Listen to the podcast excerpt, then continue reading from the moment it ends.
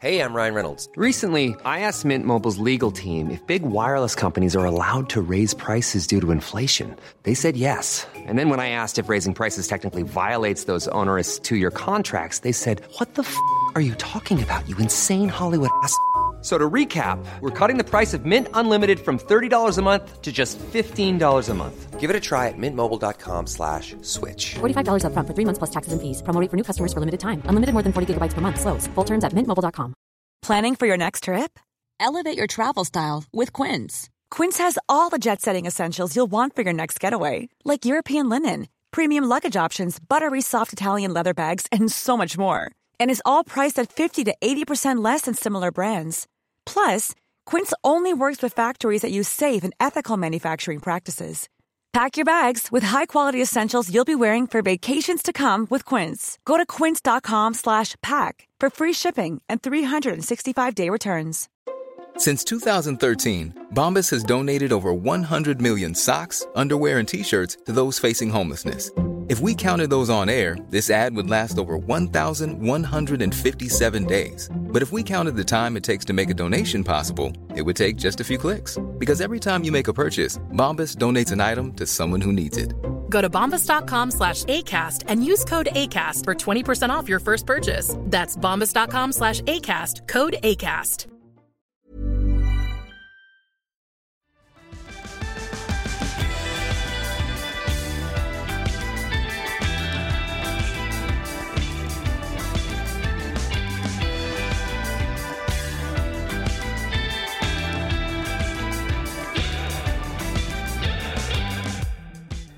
Hei og hjertelig velkommen til en ny episode av podkasten Afrikansk politikk.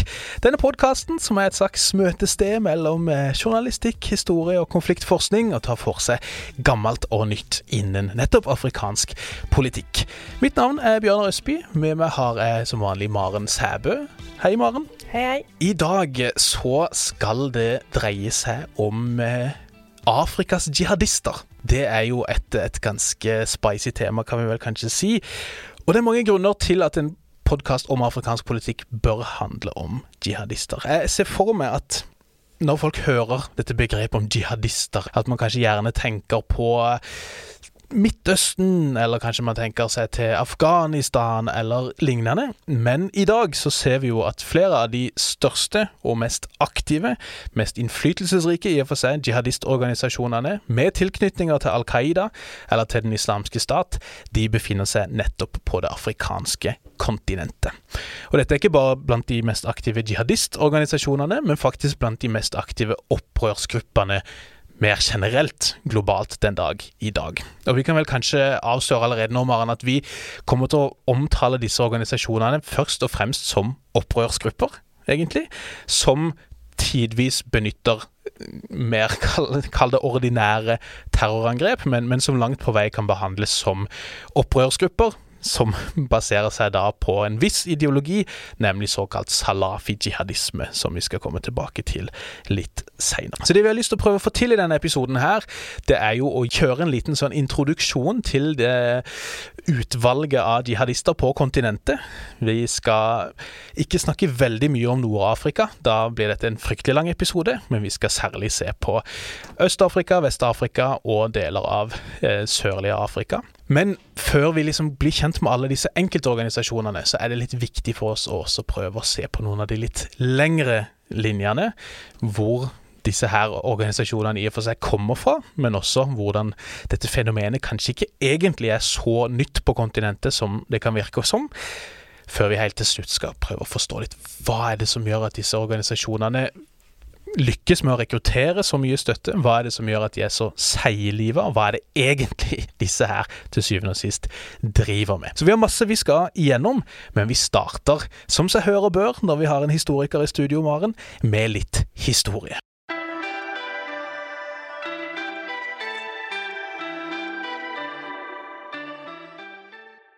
Islam har jo en veldig lang historie, selvfølgelig, i Afrika. Det spredte seg jo raskt, bare generasjoner etter Mohammed, Mm. langs ned da eh, karavaneruter som sannsynligvis eh, fantes allerede da. Og da, som vi har vært inne på tidligere, det er kort over Rødehavet mm. til Sudan. Det er kort, eller det er veldig langt over ørkenen, men, men det er et, et stykke innover der, vestover, til steder eh, i Vest-Afrika eh, som ganske tidlig ble kjent som, som islamske læresteder, sånn som Timbuktu.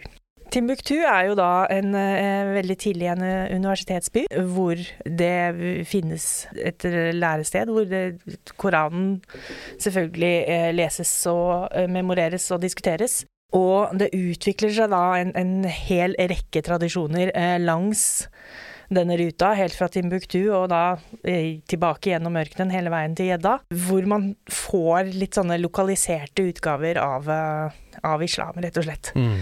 Eh, vi er et stykke fra sentrum her, ja. og som, som alle andre religioner på vandring, så får de ofte litt eh, egen farge og, og uttrykk. Mm. Man snakker jo ofte om synkretisme, kan vi bare nevne kort. da. Det er selvsagt ikke et unikt afrikansk fenomen, men det er jo skal vi si, sånn blandingsprodukter da, av en verdensreligion med lokale tradisjoner eller lokal åndelighet, om du vil. da. Og disse er det en del av, Ja. både i Sahel og, og i Sudan, og etter hvert nedover kysten av Øst-Afrika også. Det er uh, forskjellige avskygninger av da, det vi også kaller sufisme, Mm. uh, veldig populært. Og litt ofte også uh, en religion som praktiseres annerledes av, kan man si, elitene. Sånne eh, kalifer og, og, og emir, emirer og, og lignende som, som slår seg opp. Mm. Eh, og, folk flest, da, som, som gjerne har litt mer av den folkelige religionen med seg. Ja. Det gjør jo at på 1700-tallet så kommer det stadig sånne bølger hvor man har en slags både en indre og en ytre jihad, som den snakker om. Altså da både en indre jihad for å finne liksom den rene, mer rene islam, og, og den ytre ved at dette også skjer da litt eh, med våpen. Og særlig kjent er kanskje da Osman Danfodio, Mm. som oppretter noe som heter Sokoto-kalifatet, nord i, i dag nord i, det, i Nigeria. Ja, ja. Eh, men, men da med forgreininger både vestover og østover. Mm. Eh, vi skal også innom da noen av naborikene til Sokoto, som Kanemborno, Masina-riket Masina, eh, og selvfølgelig da fortsatt Timbuktu som et viktig lærested for, for alle disse. Mm. Man ser da gjentatte sånne religiøse vekkelses... eh,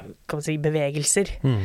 eh, gjennom 1700-tallet og og, på 1800-tallet. Og dette inngår jo også for så vidt i, uten at noen av oss er liksom historikere på akkurat dette feltet, men det, det pågår jo en del konflikter i, i hele denne delen av, Vest-Afrika, type mellom dagens Mali og østover mot Nigeria og Tsjad, mellom da Fulani-folket og hausaerne, eh, der det blir oppretta flere sånne Fulani-riker, om du, om du vil, da. Og, og klart, en sånn type renselseslogikk, da, eller den, det, et sånt ideale vil jo, hvis det først dukker opp i, i forskjellige afrikanske kontekster hvor blandingsreligioner har blitt ganske utbredte, så, så vil du jo ha et ganske stort grunnlag til å, å um, Ja, du har mye å ta tak i, for å si det sånn, da, som gjør at disse ideene fort kan, kan eh, bli ganske eksplosive dersom de først blir introdusert. Ja, og, og derfor skal vi heller ikke gå så veldig eh, inn i akkurat hvilke, hvilke ideer og sånn. Eh, vi kan bare eh, på en måte påpeke at her er det et mønster. Eh, I tillegg så ligger det et stort materiale her hvor det har vært en tradisjon for disse kan man si, sykliske rensingene av, mm. religionen, som vi ser at eh, grupper senere også opp til i dag bruker Ja. i sin, sin fortelling om sin egen kamp. Mm. Ved siden av dette som da skjer i, i Sahel og i dagens Nord-Nigeria, Niger, eh, Mali og sånn, så har vi på 1800-tallet et opprør i Sudan, Mm. i Omdurman, som er liksom tvillingbyen til Khartoum. Der er det jo også en, en religiøs bevegelse, og, og, og du får da en som står fram som Madien. Ja. Dette tolkes jo av historikere både som et antikolonialt opprør, altså mot da den tyrkisk-ottomanske og senere britiske øh, herskerne, på en måte. Men det er jo også et religiøst opprør. Mm. Altså, akkurat Mahdi-staten kjenner vi sannsynligvis best gjennom igjen guttebøkene. Det er noen uh, britiske generaler som, som roter seg ned inni der og, og blir brutalt drept. Men for Sudan så er dette på en måte en religiøs oppvåkning som Mm. på en måte skaper en tradisjon som fortsetter den dag i dag. Så går det jo en del år, kan vi si. Men så har vi jo da i de siste årene, og ikke bare liksom de siste ti årene, men de siste ti årene, et godt stykke tilbake i tid, sett nye av disse her, eh, om vi skal kalle det sykluser, eller i hvert fall et slags mønster da, av organisasjoner som ikke nødvendigvis bare ønsker en slags renselse av religionen, men som også er veldig militante etter hvert, som dukker opp i, i uh, forskjellige deler av Afrika. Skal vi starte kanskje så vidt med, med Nigeria der også, siden vi først har vært i regionen? Ja, altså Nigeria er jo et veldig, veldig stort og, og folkerikt land, eh, mm. og viktig i, i, denne sammenhengen. Man kan jo si at utover hele 1900-tallet så fantes det jo retninger av politisk islam, mm. særlig i Midtøsten og Nord-Afrika, som selvfølgelig sev sørover. Men, men den virkelig liksom store mobiliseringen kom jo etter den iranske eh, revolusjonen i 1979. Mm. Og får et av sine mest tydelige uttrykk da i, i Nord-Nigeria igjen. Mm -hmm. I, I, det såkalte Maitatine-opprøret. Ja. Eh, hvor du har en, da, en slags profetskikkelse som, som mobiliserer eh, ganske bredt blant de fattige og utstøtte mot det de ser på som en eh, undertrykkende stat, som de har helt rett i yeah. i Nigeria på 80-tallet. Eh, og det ender da i litt blod og fengsel for ganske mange av dem, mm. eh, og blir slått tilbake. Ja. Men, men, her ligger jo da kimen til, til bevegelser som ikke holdt seg i ro så veldig lenge, kan vi vel si. Nettopp, nettopp. På den andre sida av kontinentet så er det jo kanskje særlig i Egypt der man har sterke miljøer. Sant? Det, det går jo tilbake til Det muslimske brorskap. En kar som het Saeed Qutb ble jo omtales jo gjerne som liksom moderne jihadismens far, og var en av disse radikalerne i Egypt. Mm. Men litt lenger sør, i Sudan, så ser vi jo også en slags eh, oppvåkning eller et slags comeback, om du vil, for uh, islam i slutten av 1980-årene. Ja, i slutten av 1980-årene så er det jo en fyr som heter al-Bashir, som vi har snakket om tidligere, yes. som, som, tar makta i Sudan. Han støtter seg veldig mye på, på uh, islamistene, som er inspirert av Kutub, som du sier. Men det er spesielt da én skikkelse som er viktig. Uh, hvis vi snakker om islam i, i Sudan i nyere tid, og det er Hassan al-Turabi. Han vil jo gjerne da snakke om Madia-staten, hvis han skal trekke historiske mm. eh, linjer, og, og, tar liksom Påstås å være liksom en slags arvtaker etter en tradisjon i Sudan, da, mm. som, som uh, bruker politisk islam uh, inn i, i, de høyeste gemakkene. Bashir trenger noen å støtte seg på, ja. uh, og inngår et man kan si, et litt sånn vanskelig ideologisk ekteskap med Turabi og hans folk de ser jo tidlig at de kan trekke på andre som har uh, vært i samme feltet, ja. uh, og inviterer da en ikke helt ukjent uh, saudier, Osama bin Laden. Yes, den unge entreprenøren. En ung entreprenør mm. med, med litt grann kamperfaring fra Afghanistan, mm. og en større entourage fra samme sted, yes. som på det tidspunktet ikke har noe sted å være. Nei. De har jo da eh, starta både Al Qaida og også da en, eh, en organisasjon de etter hvert så seg sammen med, egyptisk islamsk jihad, som, som da har vært i Afghanistan. Etter hvert som krigen der ender i 1992, da kommunistregimet faller, eh, tre år etter at sovjeterne trekker seg tilbake. Sant? Det har vært en lang kamp mot Sovjetunionen. Så leter man jo etter nye områder. Bin Laden er jo fra Saudi-Arabia, og kunne vel sikkert godt tenke seg å holde seg der, men han faller jo ut med regimet etter han er veldig kritisk fordi de tillater amerikanske styrker å operere i Saudi-Arabia i forbindelse med Gulfkrigen, og blir til slutt Den første. Den første, sådan. Helt riktig. Um, og, og blir kicka ut derfra, basically. De blir jo da invitert av Torabi til Sudan og oppholder seg der vel fra sånn Jeg ser noen sier 91, i hvert fall fra 1992 frem til til 1996. Og han har jo nok å gjøre der, for så vidt, bin Laden. Ja, altså bin Laden er jo ikke bare en, eh, en mann med litt kamperfaring. Han er jo en, eh, som du sa, en entreprenør. Eh, han kommer fra en ganske rik familie. Lødd med penger, ja. Ja, han har penger. Og Sudan har jo allerede da havna i den situasjonen at de har litt dårlig økonomi. Mm. Etter alle disse her kupp og motkuppene og, og, alt. De har jo også en krig. Ja. Det som er Sødre Sudan, som ikke lenger er Sudan. Men, men, men, de trenger rett og slett litt, litt investorer, og det, det, kan bin Laden være. Så han får jo både alt fra veikontrakter, han investerer i jordbruksindustri. Mm. Han eh, skal ha eid en godterifabrikk i Khartoum. As you do. ja. De spiser en del godteri, disse islamistene, ja, tror jeg. Ja, må one litt. Så eh, for Sudan så er bin Laden på dette tidspunktet litt sånn kinderegg. Altså de kan liksom styrke sin standing innen politisk islam. Mm. De kan få investeringer, og de, de, gir litt sånn fingeren til alle de som ja.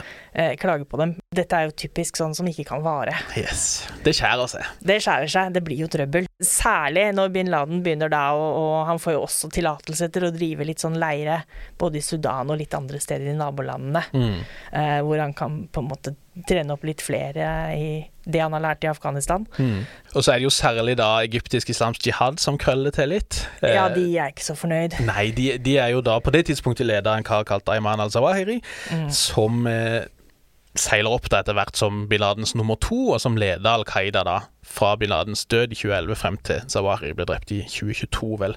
Um, den gruppa der sto jo bak attentatet mot Anwar Sadat, presidenten i Egypt, i 1981, i kjølvannet av denne Camp David-avtalen med Israel, og prøver seg på et nytt sånn attentat mot president Hosni Mubarak i 1995. Jeg lurer på om det faktisk er i forbindelse med at han er på et møte med OAU i eh, Etiopia. Um, det mislykkes, dette attentatet, men det blir litt sånn eh, ja, dråper som gjør at begeret eh, flyter over, der det etter hvert blir ganske betydelig press på Sudan utenifra for å kaste ut disse guttene, både da egypterne og, og bin Laden eh, sin gjeng. Trusler om sanksjoner osv., og, så videre, og etter hvert nok trøbbel internt også til at de blir rett og slett kasta på dør. Det var nok aldri helt uh, hjertelig mellom Turabi og, bin Laden. Altså ideologisk så altså, Nå er ikke jeg noe ekspert på politisk islam, og i hvert fall ikke salafi-jihadisme, men, men, de står et stykke fra hverandre i, Mm. i tolkninger, og, og, i tillegg da så skaper jo da åpenbart disse gruppene eh, problem for Sudans utenrikspolitikk. Mm. Nettopp. Eh, og da er det jo slutt.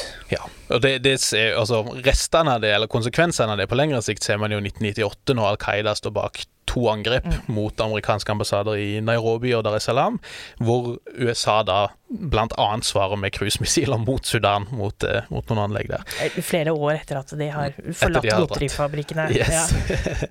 Det går jo egentlig nokså greit i 1996 å dra fra Sudan, for på det tidspunktet så har jo Taliban akkurat tatt makta i Afghanistan, som betyr at disse miljøene kan trekke dit i stedet.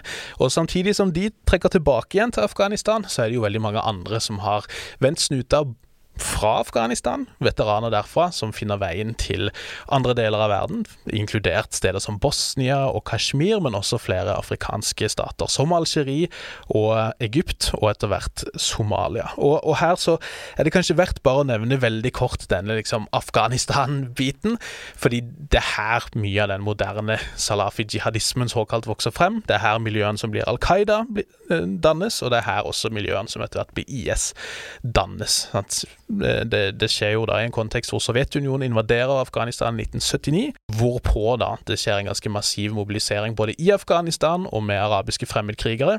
Det er også fremmedkrigere fra nord- nordafrikanere. ja, og fra andre deler av den muslimske verden også, som etter hvert blir omtalt som mujahedin, hellige krigere som mobiliserer mot de sovjetiske okkupasjonsstyrkene, men også da mot kommunistregimet i Afghanistan. Det er jo en slags sånn, nesten et laboratorium som til slutt da resulterer i denne moderne salafi-jihadismen. Og bare for å forklare det sånn veldig forenkla, da, så er jo salafi-jihadisme en form for eh, militant salafisme, om du vil. Salafisme er jo egentlig et forholdsvis moderne fenomen, men er en, en eh, tradisjon innen veldig konservativ sunni-islam, da, som eh, ønsker nettopp å rense islam for moderne impulser, og ønsker tilbake da til eh, de første Altså da salafisme kommer fra liksom de første generasjonene etter profeten Mohammed, og hvordan islam angivelig ble praktisert på den tida. Så det er en veldig sånn bakoverskuende, fundamentalistisk, bokstavtro tolkning av sunni-islam, som er veldig mot alt av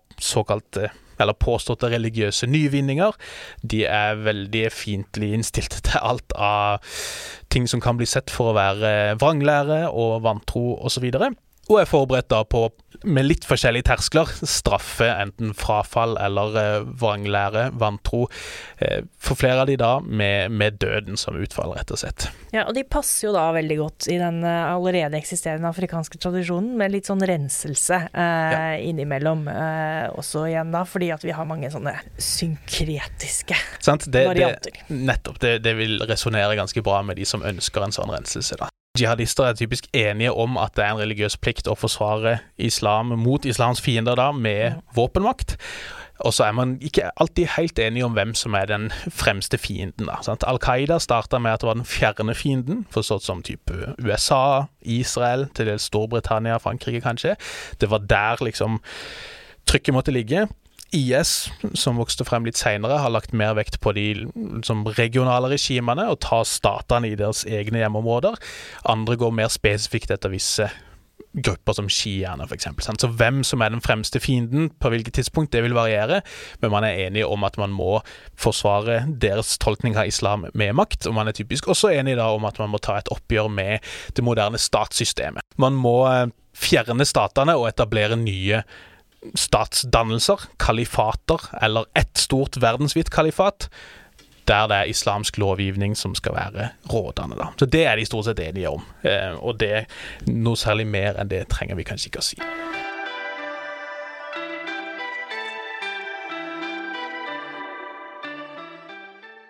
Men fra disse miljøene så er det en del veteraner, fra nettopp Nord-Afrika bl.a., men også fra deler av Øst-Afrika, som drar tilbake igjen fra Afghanistan når det, krigen mot sovjeterne og kommunistregimet er over, til sine egne hjemland og starter opp der. Og noen av de finner jo bl.a. veien til Somalia, der vi kanskje nå kan, kan starte med introduksjon av noen av disse store jihadistorganisasjonene på kontinentet.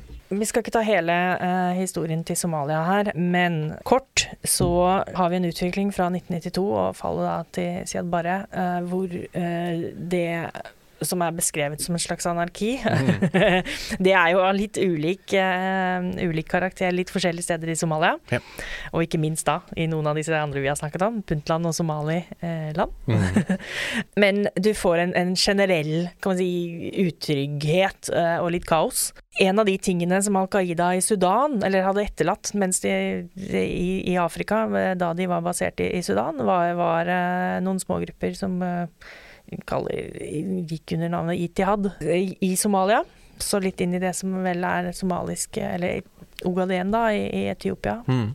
Disse gruppene deltar jo i de forskjellige kampene og, og krigene i Somalia på 90-tallet og finner vel etter hvert sammen med en, en slags bevegelse eh, som ønsker å skape litt ro eh, gjennom praktisering av sharialov. Mm. Dette er da det som er kan man si, forgruppen, eller for, forarbeidet, mm.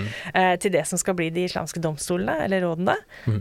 som, som senere også blir til Al Shabaab. Her er det et, et, ønske om noen som kan skape litt ro i, i kaoset, og, og, gjøre det ved, ved hjelp av tradisjonelle eh, lovanvendelse og tradisjonell eh, rettsutøvelse. De da, som sagt, finner sammen med restene etter disse eh, bitte små grupperingene som Al Qaida har vært med å starte. Eh, og får da en rolle, særlig da etter 2003-2004, etter at man har fått litt mer ro igjen, da. Man får en rolig periode i Somalia før det braker løs igjen, og, og, da viser det seg at disse her har stått i bakgrunnen og er klare for å utøve litt makt, rett og slett. Ja, ja tilbake i denne Rødehavsepisoden så snakka vi jo litt om denne historikken med Somalia og Etiopia, men da var vi inne på det at disse er ICU kalles de vel, men disse, disse islamske domstolene såkalt, at de i praksis tok kontroll over Mogadishu vel i 2006. Mm. Dels sammen med noen andre grupper også, hvorpå Etiopia svarte med å invadere for å prøve å kicke disse ut igjen av Mogadishu. Og Det utløste jo en flere år lang krig, men det har vært etiopiske styrker i landet helt frem til i dag, for så vidt. Mm. Og i denne krigen så vokser jo da det som etter hvert blir kjent som Al Shabaab, eller Harakat al Shabaab, frem som, som en av de virkelig ledende aktørene. Så som allerede i 2008, så vidt jeg har skjønt, er ute med noen sånne følere til Al Qaida, men som først da i 2012, etter Osama bin Laden har blitt drept året før, eh, formelt da sverger troskap til Al Qaida og blir på en måte innlemma i deres eh, franchise, kan vi nesten, nesten, kalle det. Og Her ser vi også et, et tidlig eksempel på det som, som vi kommer til å se hver gang en av disse bevegelsene eh, står, står, ved porten til hovedstaden, så å si. Mm. Det utløser internasjonal intervensjon. Yes. Somalia er et eksempel på, på, hvordan det skjer første gangen. Altså sånn Det er eh, plenty av eh, naboer som sikkert har vært både kritiske til alt det som har skjedd i Somalia mellom 92 og 2006, og det er plenty av dem som kanskje har tenkt at det, det er ikke så fint å ha alt dette her eh, eh, all denne uroen Mm. uh, i nabolandet, men det er i 2006 Etiopia går inn. Mm, mm. Da, da Hit, går det for langt. lenger, liksom. Det er Ja. dit, men ikke lenger. Nei. Nå må vi gripe inn. Ja. Og etter Etiopia så går jo etter hvert også Kenya inn, og så får man jo en større AU-styrke, som lenge var kjent som AMISOM, som nå kalles ATMIS, der både Etiopia og Kenya, men også Uganda har hatt eh, mange styrker. For å nevne noen, da. Det har vært mange stater som har vært involvert der. Kanskje, som vi skal se senere, er kanskje dette også et eksempel på hvordan disse militariserte løsningene og internasjonale intervensjoner sjelden har helt den effekten de nok er tenkt til å ha, I, for å si det sånn. beste fall så har det ingen effekt. Nei, men faktisk. I, verste fall, og dessverre ganske ofte, så, oppnår de, de noe av det motsatte av det de forsøker å Nettopp. gjøre. Nettopp. Og uh, til tross for da at det har vært internasjonale styrker i landet i mange, mange år, så forblir Al Shabaab en veldig mektig, innflytelsesrik, aktiv aktør. En av de sterkeste altså antagelig, Vi diskuterte dette før vi begynte, men antagelig den sterkeste Al Qaida-greina, på en måte, globalt. Um, men også en av de sterkeste opprørsgruppene, antagelig, eh, internasjonalt. Ja, og en stayer, rett og slett. Ja. Hvis man ser på hvor mye både da regionen og det internasjonale samfunnet generelt har kasta etter å forsøke å stoppe Al Shabaab, Mm. så har de en overlevelsesevne som sannsynligvis eh, sier oss noe om, eh, om at de har eh, en del støtte, og at de også er eh, skikkelig gode på å skattlegge. Yes. Eh, så de har en del midler, rett og slett. Ja, de er rett og slett ganske rike. Ja, de er rett og slett ganske rike, eh, og de har et bakland som en tradisjonell opprørsbevegelse da må ha for å kunne Ja.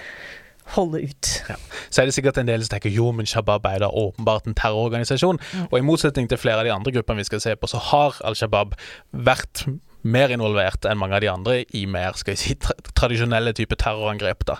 Flere av de er veldig profilerte og veldig dødelige. altså De har jo stått for noen kjempedødelige bilbomber i Mogadishu, f.eks., der 500-600 mennesker ble drept for noen år siden. i en av de.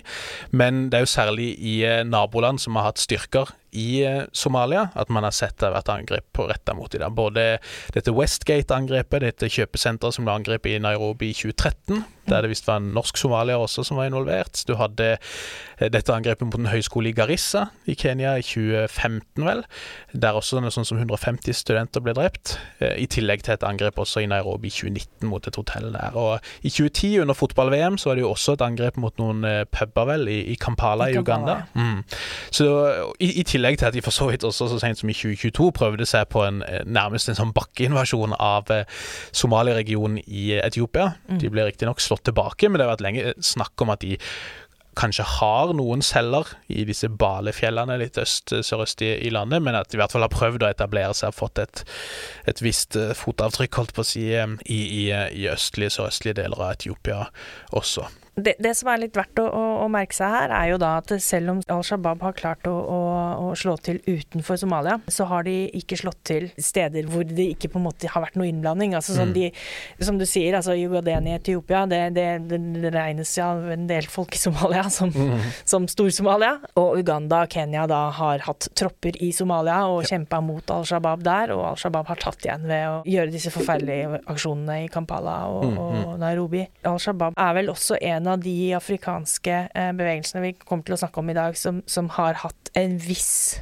tilfang av eh, såkalte fremmedkrigere. Det har vært da folk fra den somaliske diasporaen, som den nordmannen du, du akkurat nevnte, som ofte er født i, i Somalia, men kanskje har vokst opp et annet sted og kommet tilbake. De har ikke hatt noe stort tilfang av andre typer fremmedkrigere, altså folk som ikke har hatt noe tilknytning til Somalia.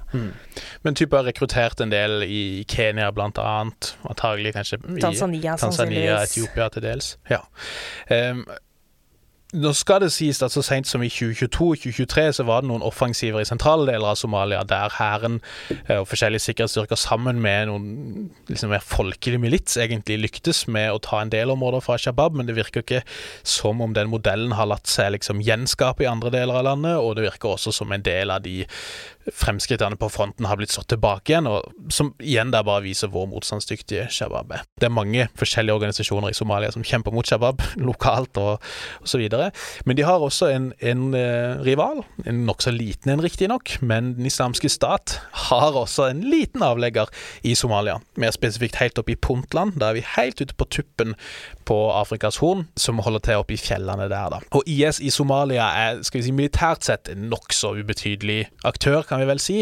Som flere av de andre gruppene vi skal bli kjent med, så starta den egentlig som en utbryter av Al Shabaab tilbake i 2015, vel. På et tidspunkt der flere av de andre gruppene vi skal bli kjent med, også får noen sånne utbrytere som sverger troskap til IS. De har vært i en del kamper med Al Shabaab sine styrker. De har vært i en del kamper med eh, styrker i Puntland osv. Og, så og stått for angrep mot sivile og lignende, men, men, på en helt annen skala enn det Shabaab evner. Så, så sånn sett så er det en, en ganske sånn liten spiller. Jeg har nesten inntrykk av at de har lagt ut flere sånne fete treningsfilmer der de stuper gjennom brennende rockeringer, enn de har gjort ting på slagmarka. Sannsynligvis mer av det enn kamperfaring. Ja. ja, faktisk.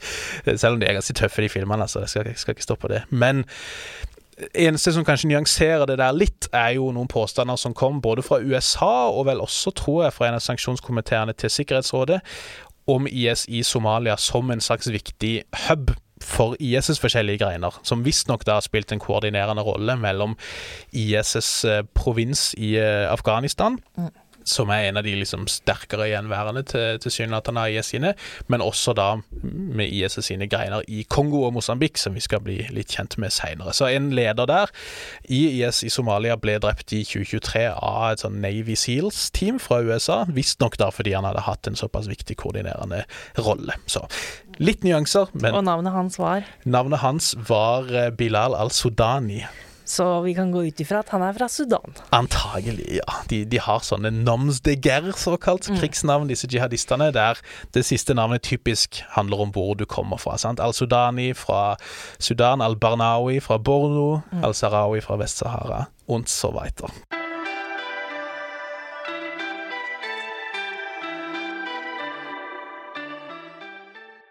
Den neste virkelig store og, og, ja, vi får vel si ganske kjente og berykta jihadistorganisasjonen, som siden har blitt splitta i opptil flere deler, det er jo den organisasjonen som på folkemunne kjennes som Boko Haram, som har operert i en årrekke i nordøstlig Nigeria primært, men også over grensene til nabolandene Niger og Kamerun særlig, men til dels også i Tsjad. Kan vi kanskje bare nevne det her da med Boko Haram, at det, vi kommer til å bruke den betegnelsen nå også.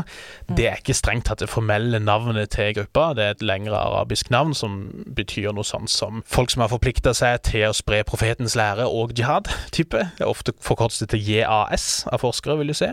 Men eh, så, så, ofte så tror jeg Boko Haram brukes litt sånn at det skal være på en måte nedsettende og liksom latterliggjøre det. At det uh, ofte tolkes som at vestlig utdanning er fy-fy, men det dreier seg mer om liksom vestlig sivilisasjon er haram. De som har studert disse her, eh, de forteller veldig ofte om den tidlige virksomheten. Det som ble eh, senere ble hetende Boko Haram, var en gruppe unge radikalere i Borno. Ja i Nord-Nigeria. Sånn 2002-2003. Det er ledelse da av en litt sånn profetaktig fyr som heter Mohammed Yusuf. Yes. Så brukte litt tid på å nevne Sokoto-kalifatet og Kanemborno og, mm. og, disse litt tidligere. Det, dette er, er et område med en tradisjon for uh, denne type radikale bevegelser som kommer og går. Mm. Uh, vi var innom Maitine, altså i Kano og, og, Borno, og Boko Haram som da oppstår i Borno, og Yobe, som er den staten som ligger mellom Kano og, og Borno. Mm. Mohammed Yusuf han holder prekener i en lokal moské, som gjør at han etter hvert havner da i trøbbel med de andre imamene. Og han blir rett og slett erklært som en altfor radikal og, og, litt sånn Bråkmaker, kanskje? En type bråkmaker, ja. Men han har en, en, en del støtte i, blant yngre folk. Mm. Ofte yngre folk som har gått gjennom det som i Nigeria kalles et al-Majiri-systemet. Mm -hmm. Fattige unge gutter. Det er dyrt å sende dem på skole, så de blir sendt til sånne koranstudiegrupper mm. under da ledelse av imamer, og så tjener de til livets opphold ved å tigge i, i, i gatene i, i, byene da, i Nord-Nigeria. Mm. Mohammed Yusuf han rekrutterer jo da eh, blant disse. Det er litt sånn som Taliban i Afghanistan. Masse mm. unge gutter som får opplæring i, i, Koranen uten kanskje ikke så veldig nøye, da. De blir ikke spesielt skolerte av det. Og, og de lever i en veldig sånn tilværelse litt på, på, på siden av det nigerianske samfunnet samfunnet i Nord-Nigeria lever jo litt på siden av samfunnet ellers i Nigeria. Så det er liksom det er periferien ja. av periferien her. Det er mm, liksom de mm. absolutt mest marginaliserte. Ja. Følgeskaren da, til Yusuf den, den vokser ganske eh, heftig, eh, og han blir kasta ut av, av, den moskeen han får lov til å snakke i sånn rundt 2004-2005, vel. Men da har han allerede eh, fått et rykte for å være ung og flink og radikal, eh, så han får støtte støtte fra noen businessmenn, og kanskje også noen moskeer og, og, og, andre eh, imamer i utlandet. Så de får bygd en egen moské da i, i Maiduguri i Borno. Mm. Det er her på en måte han samler sine folk, og det er her etter hvert at den nigerianske staten, som vanligvis er ganske sånn De tenker bare alle disse små sektene, de bryr seg, bryr de seg veldig lite om. Men, men, på et tidspunkt så blir dette her litt for mye for dem. Så du ser en sånn gradvis radikalisering av miljøet rundt Yusuf, eh, og etter hvert trefninger med, med også politistyrker. Det ender da i et lite slag rundt den ære moskeen i 2009, hvor, hvor Yusuf også uh, dør i arrest mm. uh, under mystiske omstendigheter. Ja. Samtidig så blir jo veldig mange av hans følgere da også kasta i fengsel, og man tenker at nå, denne gjengen er på en måte knukket. Uh, ferdig med den. Famous last words. Famous last words. Mm. Men en av deres læresetninger ble jo da veldig kjent. De hadde en veldig brodd mot det de så på som vestlig vitenskap og vestlig utdanning. Mm. Og Boko Haram var da noe som litt sånn slagord som de brukte. Og det de da uh, ble kjent under også når de da plutselig på en måte begynner å røre på seg igjen et par år etter 2009, eh, så er det bl.a. en del eh, aksjoner hvor en del av disse medlemmene som fortsatt sitter i fengsel, det er en del aksjoner for å få dem løs. Ja. Etter hvert noen litt sånne spektakulære aksjoner for å vise at vi er tilbake. Mm. Først så gjør de noen sånne litt sånn tradisjonelle terrorting, vil vi kalle det. Mm. Eh, de sprenger et politihovedkvarter i Nigerias hovedstad Abuja. Mm. Og like etterpå så sprenger de også FNs hovedkvarter i Abuja. Der var det en norsk kvinne som døde, mm. blant annet. Og så tar de rett og slett eh, og okkuperer Nigerias nest største by, Kano. Akkurat hvordan de klarer det altså sånn, eh, Jeg var i Kano et par år senere mm. og prøvde å finne ut hvordan kunne en, noe som i utgangspunktet var eh, erklært som dødt og, og over mm. fra den nigerianske staten, hvordan kunne de gjøre noe sånt bare noen år seinere? Forklaringa var jo egentlig bare at det var jo ingen som forventa at de skulle komme, og ingen som eh, tok opp noe våpen mot dem. Det som fantes av, av sikkerhet og, og, politistyrker, de forsvant jo bare ut blant folk. Og så satte de opp liksom checkpoints rundt omkring da i Kano et par dager. Drev inn litt skatter og sånn, og så forsvant de igjen. Så her var det sannsynligvis da mer liksom show enn en, mm, en mm. brutalitet uh, involvert, selv om folk ble, ble, selvfølgelig drept også, men ikke på en sånn, sånn Det var ikke noe slag. Nei, nei. Dette er jo like før de starter da det som de ble mest kjent for, som var en mm. kidnappingsbølge. Særlig da av skolebarn. Mm. Og da særlig i 2014, hvor de hadde denne aksjonen hvor de kidnappa 276 jenter fra en jenteskole. I Chibuk. I Chibuk. Mm. Så som for alvor, eh, på tross av da at de faktisk hadde sprengt både et politihovedkvarter, et FN-hovedkvarter og okkupert en by. Det er først når de begynner med disse kidnappingene, da, ja. da, får de liksom eh, for alvor litt internasjonal oppmerksomhet, og det mm. var vel kanskje på tide. Og da er det jo den her Bring Back Our Girls-kampanjen som på en måte går viral, og det, det har vi jo sett flere ganger, sant, altså fra folkemordet i Darfur, for, for mm. så vidt. Første gang til Josef Kony, som vi snakka om i eh, forrige episode. Disse internasjonale kampanjene, når man først greier å få masse oppmerksomhet om en ting, så mm. blir det ofte handla på det. Det trenger ikke nødvendigvis å bli hyggelig utfall av den grunn, men, men, vi så jo da at det ble veldig mye oppmerksomhet rundt disse jentene. Og de ble jo redda, mange av de, men samtidig så har det jo også blitt påpekt at En bieffekt av dette her er jo at Boko Haram skjønner nettopp hvor effektivt det er å fortsette med dette her, fordi at det er en måte å virkelig bli eh, notorisk på, holdt på å si, og få, få desto mer oppmerksomhet. De utfører jo ganske mange angrep mellom da 2011 og, og 2014, inkludert Mm. av denne okkupasjonen av, av den nest største byen. Og det går jo da, eh, som det nesten alltid gjør, utover de som bor i, i, i tre stater da i Nord- Nord-Nigeria, først og fremst. Kano og Yobe og, og Borno. De fleste av de er muslimer, så det går utover andre muslimer først og fremst. På den, akkurat den skolen i Shibuk så var det noen kristne også. Boko Haram har ikke vært noe De har ikke diskriminert i så måte. Eh, for dem så er jo andre muslimer også frafalne, eh, ettersom de er litt langt der ute. La oss bruke disse, eller tilsynelatende disse skolejentene, til noe. Eh, så de får jo sånne skvadroner av sånne unge jenter med selvmordsvester. Mm, Nå er det en diskusjon om noen av disse kidnappede jentene havna i disse selvmordsaksjonene som tiltar utover 2014 og 2015, mm. eller om dette er andre jenter. Uansett, det som er viktig for Boko Haram da, er jo denne symboleffekten. Ja. Så vi, nå har vi tatt disse unge skolejentene, og så gir vi dem et martyrium i tillegg. Så de, de føler seg nok veldig Litt sånn ovenpå. altså sånn eh, Oppmerksomhet er litt sånn eh, Det er politisk kapital i, i sånne jihadi-kretser. Eh, og de får det da veldig mye. Ja. Så begynner jo det å skje som ikke er så bra for dem, og det er jo at det Ettersom det da blir et krav om at man, skal gjøre, sette fri disse jentene eller ta de vekk, så blir det også satt inn flere militære ressurser. ressurser.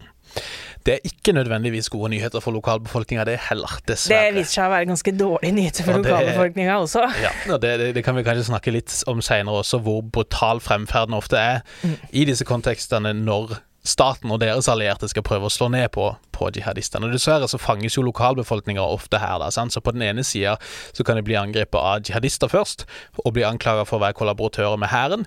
Og så, fordi jihadistene har vært i den landsbyen noen uker før, så når hæren kommer, så sier jo den at dere er jo åpenbart kollaboratører med jihadistene, siden vi vet at de var her for to uker siden.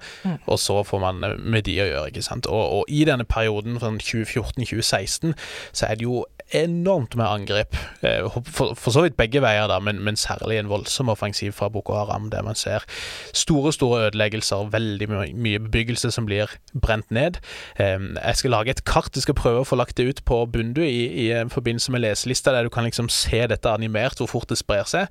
Men det når et sånn, sånn crescendo i løpet av de årene der, som også gjør at over tid så, så ender jo egentlig militæret i praksis opp med å nærmest bare håper å si, eh, overlate landsbygda til Boko Haram. Man, man bygger sånne supercamps, såkalt, og, og barrikaderer nærmest byene. Man får sånne bastionbyer, nærmest, der man prøver å samle så mye folk og, og styrker som mulig, mens det er nokså si Ville Vesten i, i områdene utenfor, særlig da innover i Borno og utover mot, eh, mot Tsjadsjøen. Dette er jo også et av de første eksemplene på bruk av satellitt, når eh, vi som er interessert i sånn, skal prøve å finne ut hva har skjedd. Dette er jo, eh, jeg tror det er Amnesty som, som eh, går igjennom da en masse satellittbilder fra særlig Borno, og, og ser hvordan systematisk landsbyer brennes, både av hæren og av Boko Haram. I da det som for Boko Haram nå ikke lenger handler om at de er en sånn terrororganisasjon som, som sprenger en bombe i Abuja eller tar over Kano i tre dager, men, men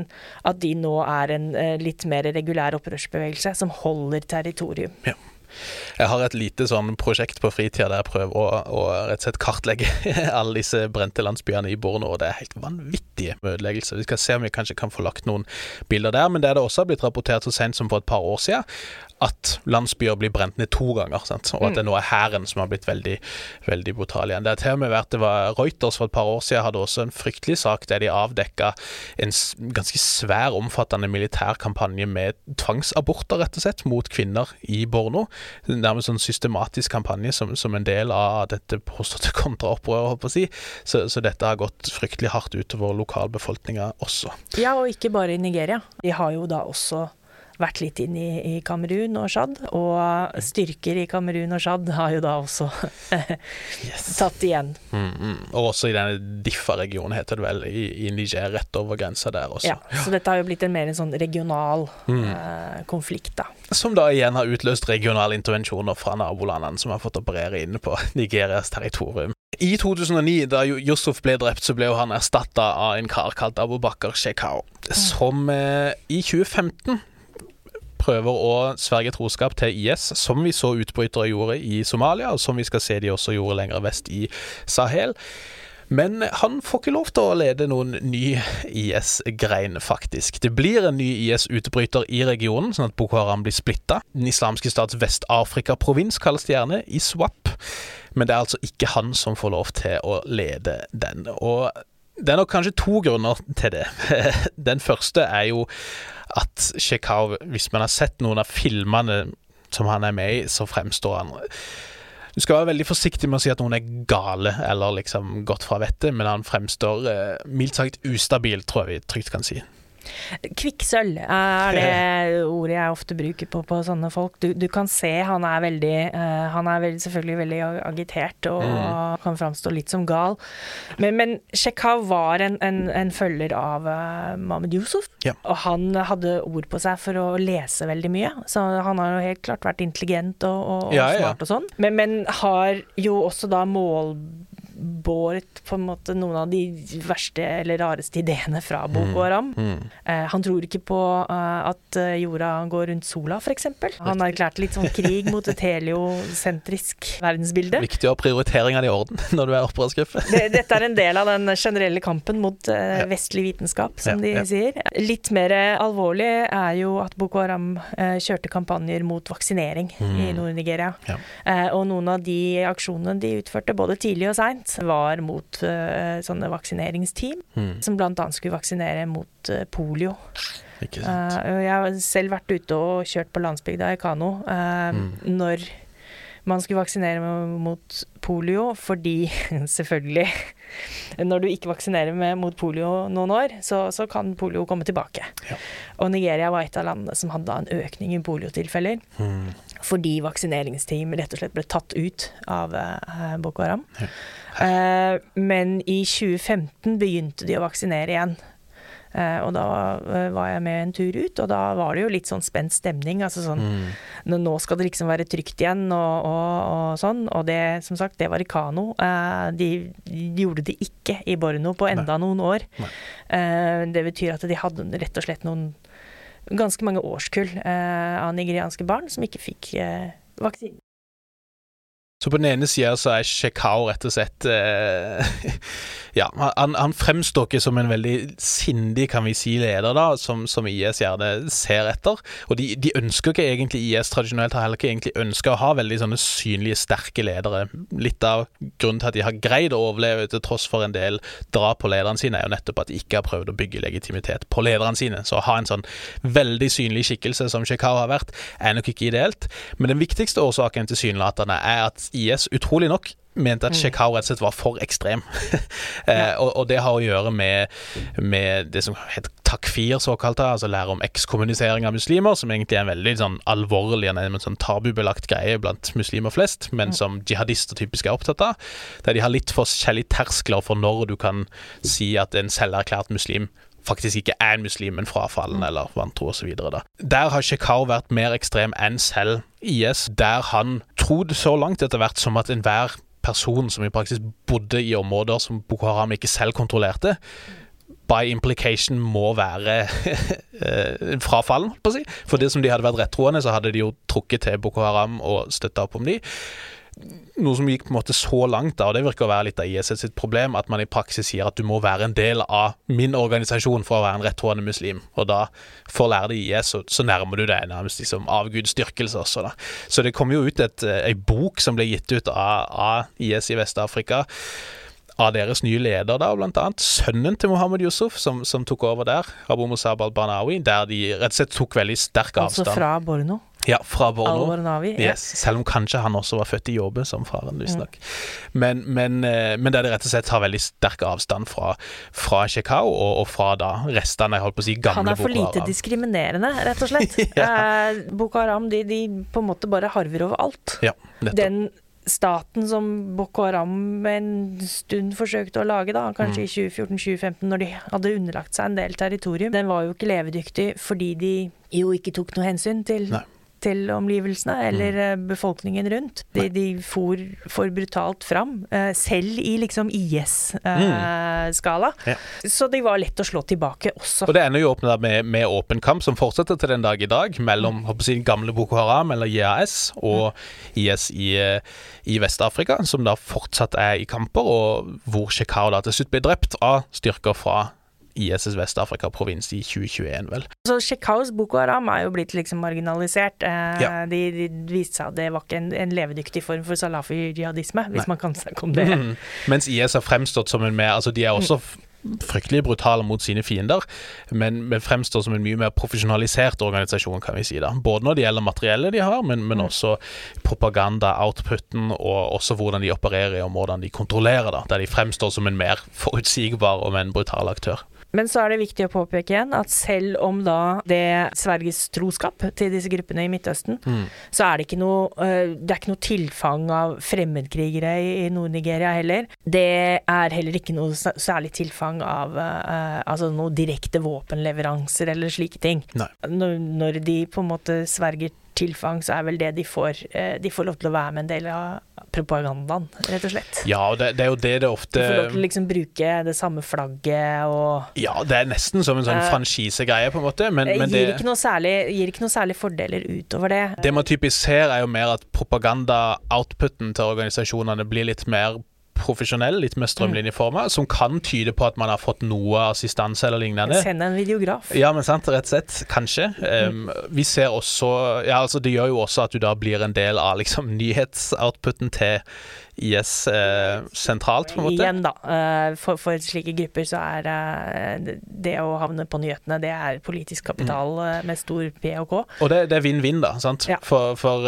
for IS, holdt på å si sentralt, men la oss Mm. si det, for, for de gamle elitene i Midtøsten her, så, så er det en måte å vise at du fortsatt er relevant på. For Mm. de lokale avgreiningene så, forgreiningene så er jo det en måte å bli desto mer berykta på, det. som også kan være viktig i konkurranse med andre væpna organisasjoner som, som kniver om rekrutter osv. Det er en organisasjon som har gjort et lite comeback tilsynelatende i senere år, som også brøt med Chicago enda før IS gjorde det, også fordi han ble sett for å være for ekstrem, og det er organisasjonen Ansaro, Ja. som typisk har vært litt eh, mer aktiv litt lenger vest i Nord-Nigeria enn i, i Borno. I det som da faktisk er Sokoto. Yes, ikke sant? Nettopp Ja. et av disse gamle rikene, som, som har blitt sett for å ha mye sterkere bånd til, til Al Qaida. Det har vært snakk om noe samarbeid mellom, mellom Boko Haram og Al Qaida sin fløy i Magreb, såkalt, da, altså i Nordvest-Afrika. Men, men eh, i praksis da, så har Boko Haram egentlig blitt delt i tre forskjellige vinger, med litt forskjellige tilknytninger, men der den gamle vingen virker å ha blitt mest marginalisert i senere år.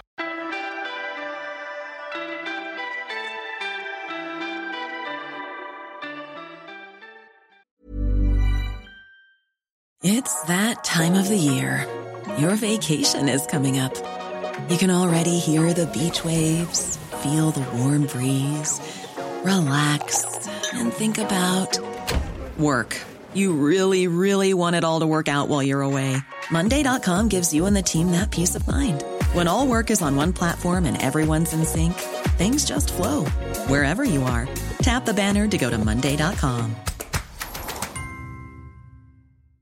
Everyone knows therapy is great for solving problems, but getting therapy has its own problems too, like finding the right therapist, fitting into their schedule, and of course, the cost. Well, BetterHelp can solve those problems. It's totally online and built around your schedule. It's surprisingly affordable too. Connect with a credentialed therapist by phone, video, or online chat, all from the comfort of your home. Visit betterhelp.com to learn more and save 10% on your first month. That's BetterHelp H E L P. Ok, da har vi tatt unna Al Shabaab og Boko Haram med sine ymse fraksjoner. Så da har vi på mange måter tatt to av de kanskje tre liksom store både arenaene, om du vil, for afrikansk jihad, men altså to av de største organisasjonene. Og de mest dødelige. Yes. Og hvis vi skal til den, ja, vi kan kalle det den tredje organisasjonen, men i hvert fall den tredje arenaen, om du vil, der jihadister virkelig står sterkt, før vi går til noen litt mer obskure tilfeller til slutt, så må vi ta en tur et lite stykke vestover fra Nigeria til den regionen som ofte kalles Vest-Sahel, og mer spesifikt da til landene Mali, først og fremst, men også etter hvert Niger og Burkina Faso.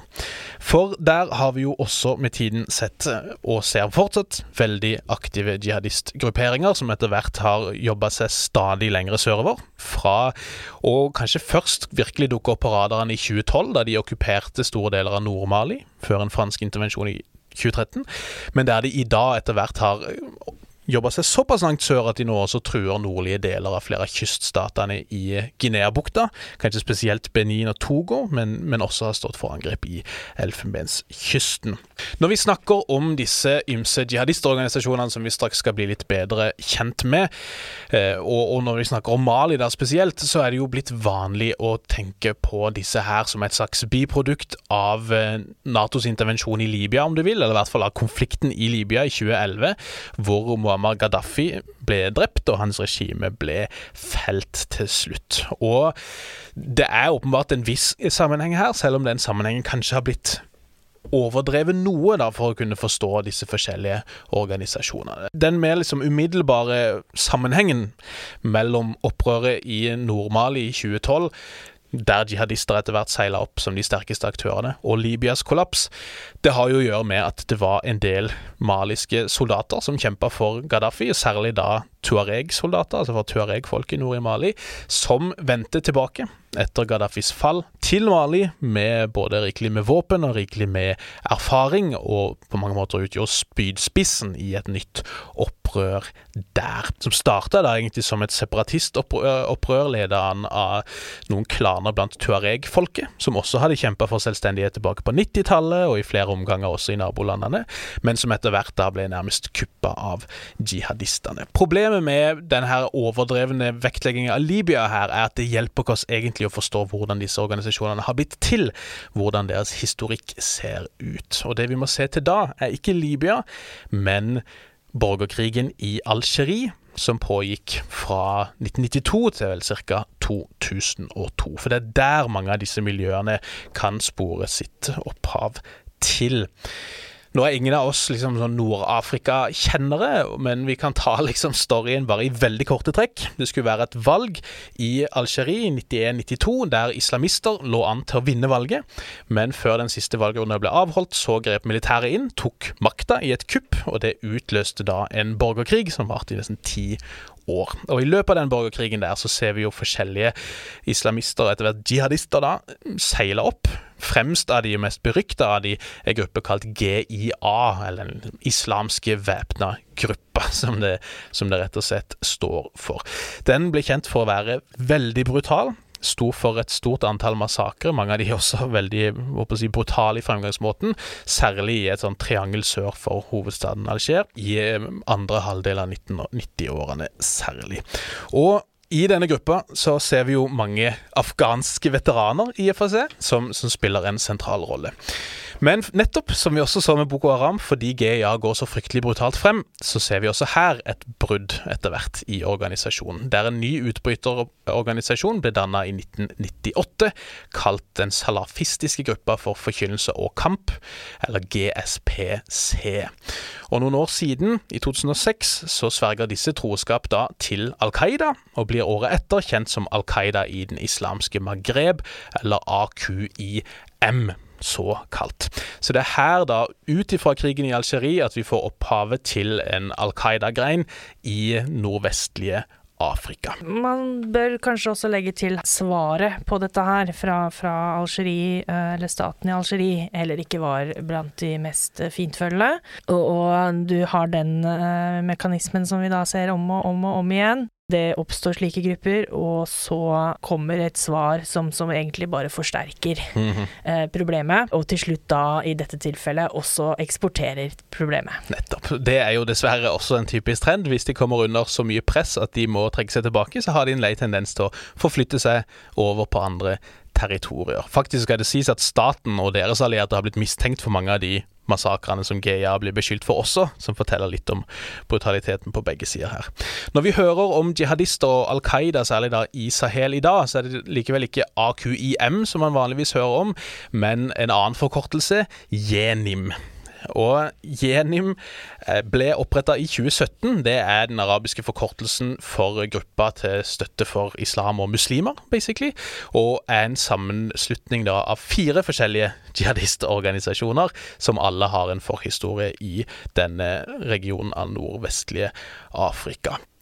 Det er litt sånn diskusjon blant eksperter også. Skal vi kalle det Jenim først og fremst, eller skal vi se på de enkelte organisasjonene som inngår i den, som igjen da er et slags sånn innslag i denne debatten om viktigheten av det lokale versus det liksom transnasjonale. For de forskjellige bestanddelene av organisasjonen har sine kjerneområder der de opererer primært. Litt uklart akkurat hvor grensene går, og noen av dem eh, Jeg så det var noen som var det vi kalte cardholders i, i flere. Ja. Eh, altså at du er medlem av en av disse organisasjonene, og kanskje med i de tre andre òg. Ja. Og så blir det rett og slett litt, uh, litt uklare uh, kommandolinjer. Det er nettopp det. Og det er ikke gitt at de kommer inn eh, De kjører rundt på motorsykler, stort sett, disse gutta her. Og Her òg. Yes, Ja. og, og det er ikke gitt at de annonserer nødvendigvis akkurat hvem de er. Så, så når man skal registrere angrep, med mindre noen aktører tar ansvar for dem, så er det ikke gitt at man vet akkurat hvem som har stått for hva. Vi kan ta bare prøve veldig kort, bare en kjapp gjennomgang av hvem disse gruppene i Jenim faktisk er. da. Og Den første av de er jo da Sahara-greinen, såkalt, av den tidligere nevnte Al Qaida i den islamske Maghreb, som var de som kontrollerte Timbuktu, denne byen vi snakka om tidligere, under denne okkupasjonen av Nord-Mali i 2012. De har typisk stått sterkest da nord i Mali og opp mot grensa til Algerie, gitt deres bakgrunn derfra. Og i den eh, tradisjonen da med renselse, som Mm. disse liker veldig godt, så er jo de som da er ansvarlig for eh, både da å eh, gå løs på veldig mange kulturminner, Mm. og da mange av disse gamle tekstene i Timbuktu. Heldigvis så ble en del av det berga Mm. av snarrådige bibliotekarer. De går også da løs på en masse gravmonumenter, som er typisk da for en sånn sufisk tradisjon i området.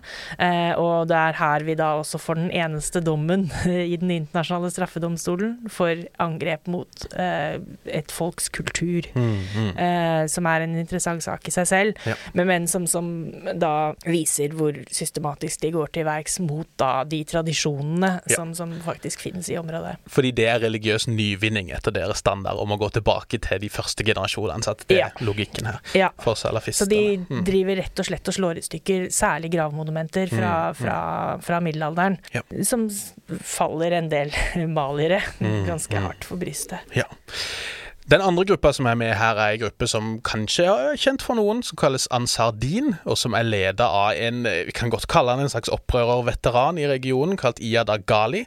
Han er etnisk tuareg fra en av disse klanene nordøst i, eh, i Mali, i den Kidal-regionen såkalt, og har eh, lenge før disse jihadistene slo seg opp, vært en ganske viktig skikkelse i nettopp det der Tuareg-opprøret i 1990-årene, men seilte da opp siden, da ikke de hadde lyst til å ha han lenger, som en av disse viktige ja, Han blitt omtalt som en sånn jihadist-entreprenør, nærmest. Og det er han da som formelt sett er lederen i Jenim, men også da leder Ansar Din. Eh, Den tredje gruppa er en gruppe kalt Al-Morabitun. Selv om ikke navnet er så kjent, så er de kjent likevel for angrepene de har stått for. De har stått for en rekke terrorangrep, både mot hotell i Mali og mot dette strandresortet, som kanskje noen husker, der det var noen nordmenn som var til stede, i Elfenbenskysten i 2016. Det er også en sånn sammenføyning av forskjellige tidligere utbrytergrupper fra Al Qaida i den islamske Maghreb. En av de gruppene var gruppa til Mokhtar Bel Mokhtar, som kanskje noen av dere husker navnet på, som var lederen for den gruppa som da an- angrep dette Statoil-anlegget i Inamenas i Algerie i 2013, hvor flere nordmenn var blant de, de drepte gislene der. Mokhtar Bel Mokhtar nevnes jo ofte som en sånn tidlig jihadi-entreprenør, Mm. eh, litt sånn som Yal Al-Ghali senere blir. En person som dukker opp og under igjen i, i flere av disse bevegelsene. Omstreifende typer. Eh, omstreifende type, anklaget for alt fra sigarettsmugling til da dette eh, angrepet på In Amenas, men, men eh, forsvinner også inn i denne bokstavsuppa, da. Ja. Eh, Og den siste av disse eh, Kanskje det er en femte også, men den fjerde av de, det er en gruppe kalt Katibat Masina, eller Masinas frigjøringsfront, FLM, avhengig av hvem du spør. Og det er nok denne som er den mest aktive av de fire, som har stått for veldig mange angrep i eh, Mopti-regionen, som ligger sentralt i, i Mali, men også da inn i Burkina Faso særlig. Og disse er da ledet av en annen eh, jihadist-entreprenør, om du vil, en gammel veteran, tidligere poet og, og lærd, eh, Amado Kuffa, som er en etnisk fulani. da. Og også her så ser vi disse her med at spiller på, på gamle navn. Almorabiton spiller på Almoravid-riket, dette som sprang ut fra Sahara og okkuperte den iberiske halvøy, mens Katibat Masina spiller på Masina-riket, som også da oppsto under disse Fulani-krigene på 1800-tallet. Eh, Så, så her er det Man prøver hele tida å spille på denne her eh, historikken som ligger bak også. Jenny, Bortsett fra når man prøver å, å knuse den, sånn som de gjorde Nettopp, i sant.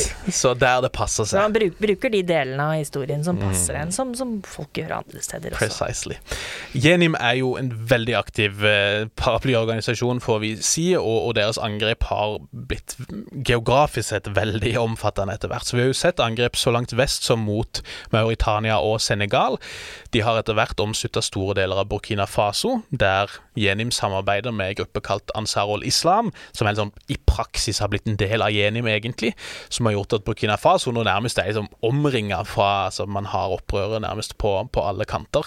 Men det har også vært angrep inn i, inn i eh, Niger. Som sagt også angrep helt sørover nå. Så vi ser jo også når Frankrike blir kasta ut fra det ene landet etter det andre, så virker det som Frankrike og EU legger mer av tyngden sin i disse kyststatene i Gulfen, for man frykter at jihadistene skal lykkes med å komme videre inn der.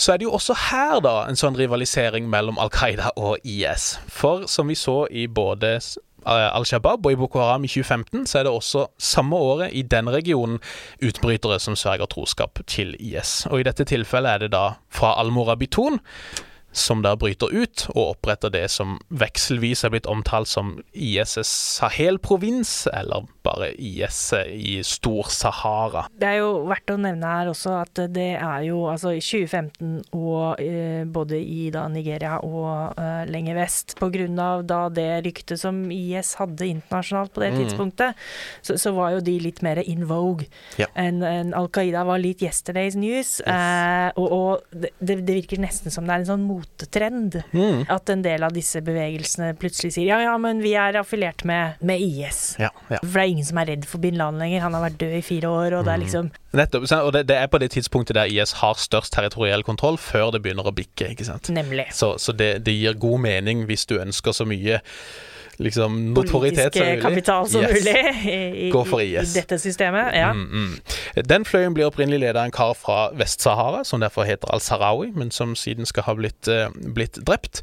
Og der, i, i motsetning til Nigeria, der kampene bryter ut nokså umiddelbart mellom disse fraksjonene, så ser man en periode, det som har blitt kalt et unntak i denne globale feiden mellom IS og Al Qaida, der IS-greina og Al Qaidas representanter i strøket lever mer eller mindre side om side, og i hvert fall ikke havner i direkte konflikter. Men de bryter til slutt ut, eh, som betyr at man har hatt ganske harde kamper over flere år nå mellom disse. Her er de heldigvis sin, eh, sine egne beste fiender i da det som vi nevnte, den Mopti-regionen, eller det derre Mm. Triangle of Death, som, som ligger i, altså rundt den, den delen av Mali. Mm. Så får de en så ut, altså, en skikkelig feide, rett og slett. Ja. Eh, en god gammeldags eh, turf war. Og likevel så har de greid å utvide beg, det sier begge to. om, uh, som sier litt om, om forholdene her. deres. Ja, antagelig. antagelig.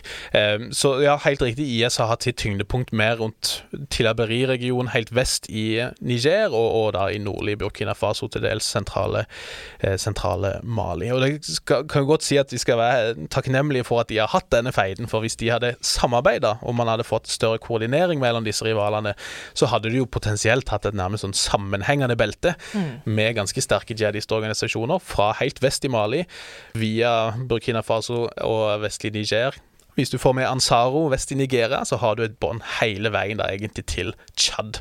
Eh, så ikke bare et kuppbelte, men kanskje et jihadistbelte også. Alle disse feidene har jo utløst internasjonale intervensjoner igjen, mm. og som da synes igjen å ha virka mot sin hensikt, ettersom disse gruppene, på tross av at de faktisk også går løs på hverandre, klarer å ekspandere.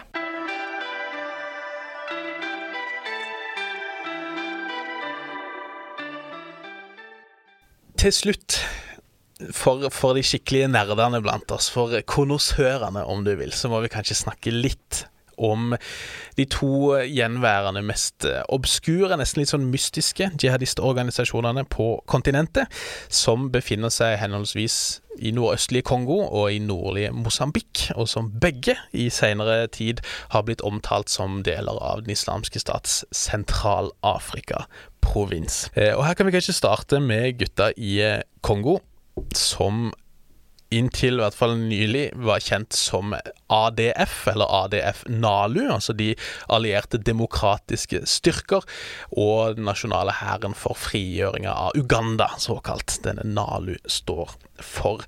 Som navnet antyder, så er jo dette da ikke en opprinnelig kongolesisk organisasjon, men en ugandisk organisasjon.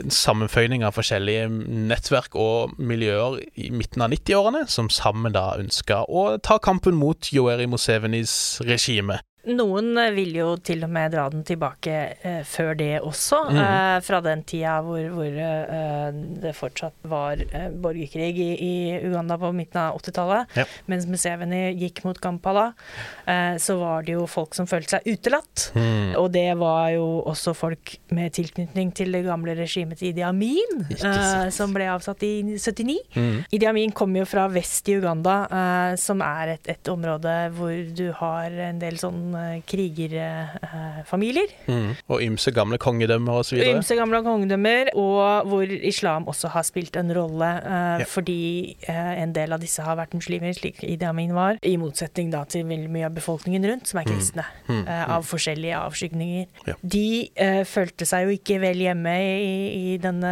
uh, alliansen som Museveni samla sammen, og, og erklærte vel krig fra liksom dag én. eh, More or less, eh, og, har da vært en litt sånn torn i siden eh, i vest i Uganda for, for Museveni i hele hans eh, regjeringstid, da, siden 1986. Men, men har da kunnet gjemme seg da i da, dette her litt urolige Østre Kongo, som vi snart skal snakke mye om, og, og har kunnet bevege seg da fortsatt litt grann i Vest-Uganda, men hovedsakelig da i det området som ligger like vest for Vest-Uganda, som er da en, en sånn smal stripe uh, ned i, i Turi. Uh, Mm. Og særlig da rundt områder som Bunia og Beni. Og, Yes.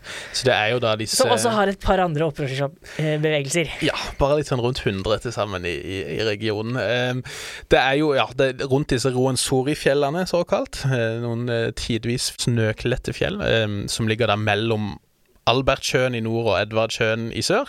Mest kjent for sine gorillaer. Yes, Ja. nettopp. Eh, og også et ynda turmål for en del eh, klatrere. Anbefales både for gorilla og klatring. Ja, bare hold deg unna Bare hold deg unna. Hør på, hør på sikkerhetsrådene Yes. før du reiser inn. Nettopp. Og, og eh, de flytta seg da altså, etter litt militært press også fra Uganda, inn i Kongo en gang i andre halvdelen av 90-årene. Det er noen som sier fra 96, noen sier 98-99. Det er ikke så farlig. Men i en, i en periode der det pågår omfattende regionale kriger i, eh, i Kongo. Det er jo flere stater i området som tenker ADF egentlig er ganske sånn nyttig eh, bråkmaker å ha. Sudan støtter jo ADF tidlig, annet mot Uganda. Sudan mente jo selvfølgelig at Uganda, eh, eller Museveni, og det var jo helt riktig, støtta opprørerne i Sødre Sudan, mm. eh, og det som da ble til Sør-Sudan. Så Sudan tok igjen med å støtte da denne bevegelsen Yes, mot Museveni. nettopp. Det, det, diskusjonen om ADF går jo på liksom hvor, hvor mye religion var det inne i bildet? Mm. Eh, og, og den fernissen den synes jo veldig tynn på, på 90-tallet, Ja. og egentlig opp til, til vår tid, men den var nok der hele tida som en, en faktor. Mm. Ja. Og, og fikk nok litt ekstra støtte da selvfølgelig av at Sudan var en av uh, støttespillerne. Mm. Men en stund så var jo også Mobutu. Ja, for der, altså der er jo samme dynamikken, da. i, i, i Datidens seier. Datidens seire. En av, Mm. altså, han tolererte dem og, og støtta dem litt også. Nettopp fordi Rwanda og Uganda støtta opprørsgrupper mot Mobutu, ikke sant? så da tar Ja. man det igjen. Og Mobutu var jo da ikke særlig islamistisk seg, men, men det var jo selvfølgelig den støtten med, fra Sudan kom jo med litt religiøse overtoner, Mm, men, men mm. eh, de mottok også annen støtte. Ja. Så de var sekulære, rett og slett. Mm, mm. Så ser vi jo også at ADF over tid har hatt et litt sånn komplisert forhold til myndighetene i Kongo, som til tider har inngått mer eller mindre sånn sammensvergelser, tror jeg vi kan si. Det har sjelden vært i det åpne, liksom, men, men, men brukt ADF delt som en sånn motvekt mot da ugandisk støtta eller rwandisk støtta opprørsgrupper i et sånn spill som fortsetter den dag i dag, med rwandisk støtta M23 da, som et stort uromoment i, i, i regionen. Men Um, så skjer det noe. ja, hvis vi spoler ganske langt frem i tid, etter at ADF egentlig har ja, nærmest bare gjemt seg i skogene og ikke vært særlig aktive, så ser vi Mye skog å gjemme seg i. det er fryktelig mye skog å gjemme seg i. Og fra liksom begynnelsen av 2010-årene så begynner de å gjøre et gradvis comeback med flere dødelige angrep. Både mot statlige styrker, som de før har hatt et visst samarbeid med. Etter hvert mm, veldig mange massakrer mot sivile, der også faktisk deler av den kongolesiske hæren blir anklaga for å ha vært med på laget. Mens Ikke veldig kjent det mønsteret her nå. mens, mens eh, disse er under press fra FN-styrken MONUSCO. Eh, etter hvert så ser vi jo at ADF står for flere av de dødeligste angrepene mot fredsbevarende styrker faktisk i nyere tid. Men det er jo først noen år seinere, når i 2019 vel, ADF sverger troskap til IS, eller blir omtalt av IS, rettere sagt, som IS' Sentral-Afrika-provins. Det er da de virkelig kommer på radaren internasjonalt. Og dette virker jo litt opportunistisk, gjør det ikke det? Eh, Well eh, Nå er det kanskje IS som først og fremst har noe å tjene, for nå er jo IS forbi eh, Liksom høydaren sin ja. sant? og trenger nye folk. Eh, Det er vinn-vinn igjen, da. ja, basically. Og, og her igjen, så det er kanskje med disse to siste, i Kongo og Mosambik, vi virkelig ser de største debattene mellom områdeeksperter, som legger veldig mye vekt på lokale og regionale dynamikker, og terrorforskere, jihadismeforskere, som legger mye mer vekt på den transnasjonale dynamikken. Her igjen virker ikke å ha vært veldig mye kontakt med utenlandske miljøer utenfor regionen, men vi ser likevel at på en propaganda-outputen blir ganske mye mer sofistikert. Vi ser også etter hvert flere angrep utenfor Kongo. I 2021 var det vel, så var det flere selvmordsbombere som angrep eh, Kampala i Uganda, som da utløste en ugandisk militær intervensjon. Kampala er jo en av de få byene da som har vært under angrep. Eh, Mm. Både fra den Al Qaida-affilierte Al Shabaab Ja. og den IS-affilierte ADF. Helt riktig. Ja. Ja, og, og dette, som vi har sett med andre opprørsgrupper også, som har utløst intervensjoner fra Rwanda og Uganda, så ser dette da igjen i 2021. Og så er det en del som påpeker at dette handler nok ikke bare om ADF eh, som sådan og den militære trusselen mot sivile, fordi de har flere tusen sivile liv på samvittigheten, men også fordi at de er posisjonert i et område der Uganda med støtte fra investeringer fra Total, franske selskaper og et kinesisk oljeselskap, har svære oljeprosjekter på gang rundt denne Albert-sjøen, inkludert et omfattende prosjekt med å legge over 1440 km røyr fra denne regionen ut til Det indiske havet i kystbyen Tanga i, i Tanzania. Så det er nok en del sånn økonomiske interesser inne i bildet her også. Jeg, tror- jeg tror av alle disse her, så er jo ADF den som i minst grad har forsøkt å liksom å kontroll over store områder. De har hatt sine leirer. De har hatt en leir kalt Medina, langt inn i skogen utenfor byen Beni. Minner egentlig mer om en nærmest en kult à la Herrens motstandshær til Josef Ja. Kony, som kommer ut av skogen og angriper sivile her og der, men, men som ikke opererer i det åpne på, på samme måten som flere av disse andre. Den, den, den ligner jo på flere måter. Altså, her snakker vi om to ugandiske eh, sekter. Mm. Ja, basically. Eh, ja, bortsett fra dette, denne Medina-leiren, som vel også har blitt flytta et par ganger rundt, Mm. sånn ettersom hvor de har gjemt seg i skogen. Eh, så har ikke de gått inn for å holde territorium, som vi har sett at eh, veldig mange av disse andre bevegelsene har gjort. Mm. Og det er vel kanskje en umulig oppgave i akkurat dette hjørnet av Kongo. Med mindre du har støtte fra Rwanda som M23, som gjør at de kan operere nærmest som en, en konvensjonell hær, Mm. eh, sammenlignet med mange av de andre. Det skal sies at det er ganske uvisst hvilken effekt den ugandiske operasjonen har hatt. Mm. Det, det virker å være enighet om at det har vært nokså store tap for ADF, og at de har blitt mer fragmentert og spredd seg over større områder, men med det så har de jo kommet sivile, altså massakrer mot sivile i desto større områder. Da. Så, så for lokalbefolkninga igjen, som er de dette alltid går utover, det er ikke oss i Vesten dette er en trussel for, men de lokale, så har ikke denne operasjonen tilsynelatende hjulpet stort ennå. Nalu, da, i hvert fall, som var en av forgjengerne her, de har jo vært aktive siden 80-tallet. Eh, Mm. De har en stayerevne Yes. som, som helt klart eh, skiller seg ut. Og at man da ikke skal erklære dem forslått før de, Mm. før, før de faktisk er det. Nettopp. sant? Og selv om ikke ADF administrerer territorium og har bred folkelig støtte på den måten, så har det blitt en kongolesisk gruppe i praksis. De har fått barn, de har gifta seg lokalt, de har eh, etter hvert blitt involvert i smugling osv. i regionen, som gjør at de har et godt fotfeste, til tross for at de opererer nokså isolert, sånn tilsynelatende. Det er jo en del sånne interessante likhetstrekk her, og vi har snakka om eh, ressursrike områder, og vi har snakka om franske total. og det passer jo, eh, for å ta en liten pivot til den siste, kanskje mest mystiske gruppa det er snakk om, og da skal vi til nordlige Mosambik, til provinsen Cabo Delgado. Ja. Igjen, vi snakker om periferien av periferien. Eh, Ja. I et land med ganske liten statsøkonomi, men eh, med store naturressurser potensielt. I Mosambik så har man da både funnet gass utenfor eh, kysten. Eh, man har rubiner og tropisk tømmer eh, inne Mm. på land i Cabo Delgado. Og man har også et sånt strategisk mineral som heter grafitt. Hmm. Eh, en god del av det. Så, så i da en, en nesten sånn logistisk sett isolert eh, hjørne av Mosambik, så har man da plutselig vanvittig mye med ressurser. Jeg har vært i Cabo Delgado et par ganger med ti års mellomrom. Eh, jeg var der første gang i 2012. Hmm. Eh, og da eh, var dette gasseventyret, da, som man har snakka om veldig mye. Statoil var, eller senere Equinor, Mm. eh, var jo tidlig inne der og sånn. Da var det liksom veldig nytt. Spennende. Nytt og spennende, men da husker jeg folk snakka om liksom sånn derre Å nei, det blir krig. Uh, Mm. det, det, det var litt profetisk, det sa Ja. folk allerede da. Yes. Og i 2017 så ble det jo det. Ja, ja. I 2017 så uh, nå, nå skal det også sies at Cabo Delgado har ikke vært helt rolig. Det var det området hvor den mosambikiske frigjøringsbevegelsen uh, starta. Hadde sine baser på 60-tallet. Det var et område som da opprørsbevegelsen Renamo senere kunne trekke seg tilbake til, fordi Mm. dette er såpass langt da fra, fra hovedstaden Maputo. Det er et veldig langt land, Mosambik. Veldig langt land, Mm. eh, veldig dårlige veier, Ja. eh, særlig oppi den biten der. Så, så dette har liksom alltid vært liksom en sånn arnested for, for opprør i, i Mosambik, og da ganske forutsigbart. Mm. Så skjedde dette også da når man begynte eh, å, å pumpe penger inn i området for å, å ta ut ressurser. Ja, ja. Den siste gangen jeg var i Cabo Delgado var jo i fjor. Eller altså på slutten av 2022. Mm. Det opprøret i, i Nord-Mosambik, den gruppa har jo også mange navn. Yes. Det er aller enklest å rett og slett bare kalle den Mashabo. Mm. Eller Mashabo Bobos. Eller shabab. Eller Al Shabaab, som Ja. er eh, Men det må ikke forveksles med de eh, somaliske Al Shabaab. Men, men de kalles da det samme eh, på den lokale dialekten. Ja. Det snakkes også litt swahili i området. Mm. Det er andre språk også. Eh, så, så det er en variant av ungdommen, rett og slett.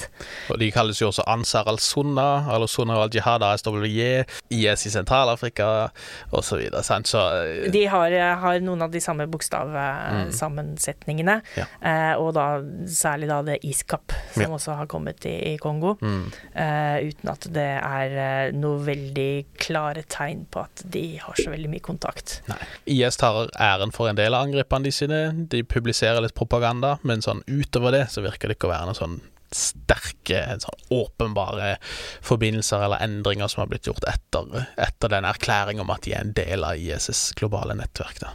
Nei, men de ligner jo på en del av disse andre gruppene vi har vært innom. Mm. Eh, og det er nok holdt på å si av, Det er på grunn av, eh, hvordan ting fungerer lokalt, og, og Ja. hvordan de opererer. Og metoden er det samme som Boko Haram ville brukt i Nord-Nigeria. De kommer til en landsby, går inn, tvangsrekrutterer, rett og slett. Tar, eh, tar ungdommen. Kvinner av en årsak og menn av en annen årsak. Mm. Og så okkuperer de mer og mer territoriet mens de ekspanderer. Så blir de jo igjen slått tilbake, nok en gang, av en litt sånn internasjonal koalisjon. Mm. Uh, I dette tilfellet fra SADC, altså den samarbeidsorganisasjonen i det sørlige Afrika, og Ravanda. Yeah.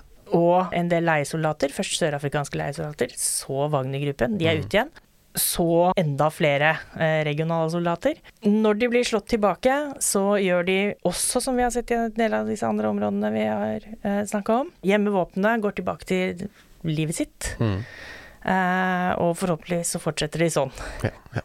Det kan se ut som uh, en del av de har gjort dette et par-tre ganger, uh, ettersom mm. det er nesten ikke noe sted hvor man har erklært seier så ofte uh, som i Cabo Delgado, og sagt at nå, nå, har vi det under kontroll, nå, nå, har vi tatt tilbake alle landsbyene og noen av byene da, som ja. de har okkupert, hvorpå det to-tre måneder seinere plutselig ikke er tilfellet igjen. Nei, Senest for noen dager siden så var det et, et av de dødeligere angrepene på en stund mot soldater, da, mm. i Mokojo, tror jeg det var det var snakk om at 21 soldater eller noe sånt ble, ble drept, tror jeg. Så. Som er betydelig i denne mhm. sammenhengen. Mm -hmm. Det som kanskje skiller disse i Cabo Delgado fra en del av de andre vi har snakket om, er at her har det ikke vært så fryktelig mange dødsfall, eller det vi vet. Mm. Det har vært ekstremt mye brutalitet. Ja. Uh, igjen, både fra hæren, de internasjonale styrkene, leiesoldatene, og fra, fra ASJV. Mm. Uh, til sammen. Men, men uh, dødstallene er ikke så store. Nei. Men også her, da, som i Borno, der dødsfallene var veldig mye høyere, riktignok, så ser vi jo at det er gått fryktelig hardt utover bebyggelser, rett og slett. Så der også kan vi jo se at fryktelig mange landsbyer har blitt brent. Noen av de flere ganger av jihadistene først, og deretter av, av de statlige og prostatlige styrkene etter hvert som de går på offensiven og dytter jihadistene tilbake. Det er rundt en million uh, internt fordrevne nå i Cabo Delgado. Ja. Flere av dem har uh, måttet flykte flere ganger. Mm. Da vi reiste rundt for rundt et år siden, så, så kan kan du se det. Du kan se liksom hvordan landsbyer er blitt brent, og så reiser du litt til, så finner du flyktningene, og så skal de kanskje tilbake inntrykket er at det på en måte er en litt sånn masse som flytter på seg. Mm. Og denne organisasjonen også flytter på seg. Ja. Og den har dukka opp flere steder. Noen ganger litt mer forutsigbart enn andre ganger. Men, men, men, skaper da en generell utrygghet som gjør at folk ikke returnerer. Og som gjør at også da disse internasjonale selskapene, som etter hvert har investert mhm. litt i Cabo Delgado pga. gassen og rubinene og så alt det, en del av de har trukket seg ut. Mm. Nå har det vært snakk om at Total er liksom i ferd med å sende inn igjen folk. Sant? Der også, Det har vi ikke nevnt, men det var jo et terrorangrep der mot et hotell der mange internasjonale ble drept for noen år siden. Um, det har vært snakk om at Total er litt på vei tilbake, samtidig som det også er snakk om at etter hvert det vil bli en retrett for disse Sadek-styrkene, eller Samim-operasjonen. Uh, samtidig der som vi ser en liten sånn oppsving igjen i angrep. Da. Så det er jo en litt sånn usikker uh, situasjon som vi står i akkurat nå. da. Nå er det ikke gjort så fryktelig mange systematiske eh, studier ennå på, på, akkurat denne gruppa i Cabo Delgado, men det de forteller, eh, de som på en måte overlever, ofte sånne litt unge folk som blir tvangsrekruttert, og, og, og det de forteller, er jo en, en, en, hverdag hvor de blir tvunget til å delta eh, i ganske brutale eh, Kanskje det som har satt dem litt på IS-kartet, er veldig mye avskjæring av hoder mm. og brennmerking. Slaver blir tatt. Altså en type liksom sånne trekk ved brutaliteten mm. som, som, kan minne litt om både IS i Midtøsten og også da det som har skjedd i Nigeria. Ja, ja.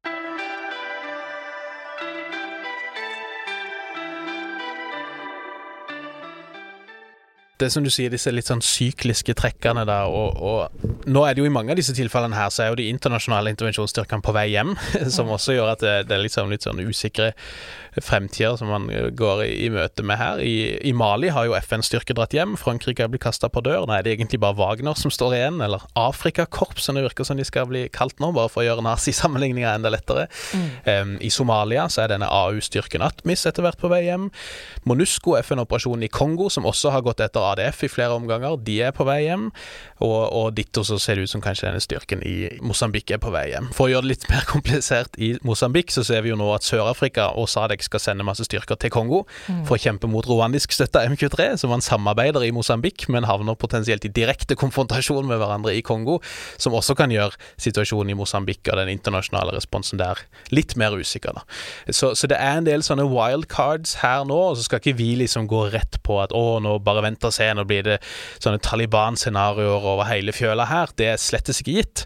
Jeg tror nok mange av disse her organisasjonene lever litt i en sånn limbo, der de kan operere i svære områder ute i periferien, men når de kommer nærme nok til hovedstedene, så kommer en eller annen internasjonal hammer og knuser de. Det vil jo tida vise, men det er en del uromomenter her.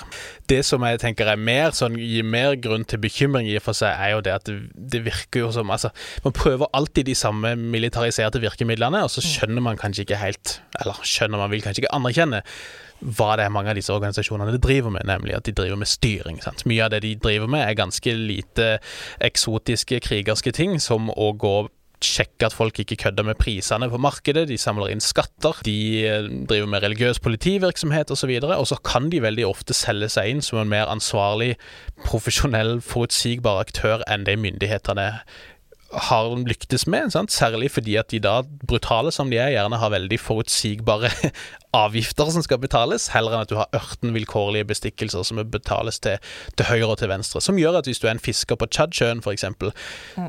Ok, IS, du vet at det går fryktelig galt hvis du havner på tverka med de, men de er altså mer forutsigbare, og de er mer konsekvente med hva du skal betale for, osv. Som gjør at hverdagen i og for seg blir mer håndterbar så lenge du er på godsida, da, som i seg sjøl.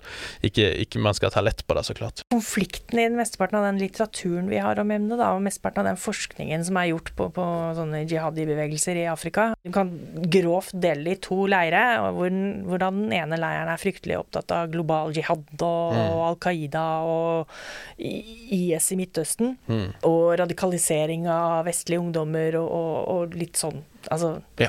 de som oftest sitter og snakker på TV her hjemme. Mm -hmm. eh, og så har du den litt mer sånn saktegående forskninga, yeah. områdeekspertene, eh, som, som, har sett på hver og en av disse konfliktene, ja. og som, som, kanskje tolker det veldig som utslag av, av lokale eller nesten sånn deterministisk. Det måtte jo oppstå et sånt opprør her. Og så er det kanskje eh, tilfeldig at det blir jihadister fordi det er det som er inn nå. Det er det som er inn nå, liksom, ja, ja. Å, vifte med det svarte flagget. Ja. Så kan vi vel også da røpe at det aller meste av det vi leser om, om dette temaet, det, det, ligger nok nærmere områdeekspertene, men ikke, ikke helt på den. Det, det, er en viss ferniss. Mm. Men, men, der hvor de kanskje er veldig forskjellige fra de analysene som kanskje er gjort på, på Midtøsten og Afghanistan og Pakistan og sånn, eh, er at religionen virker å ha en litt mindre rolle. Og i det så er det jo også andre måter å møte det på. Det er jo også en debatt hvordan skal man få folk ut av disse bevegelsene. Jeg nevnte at i Mosambik så er det veldig mange unge gutter. Mm. Og det det, er, folk som er mindreårige. En del av disse andre konfliktene, Boko Haram også har tvangsrekruttert eh, barn.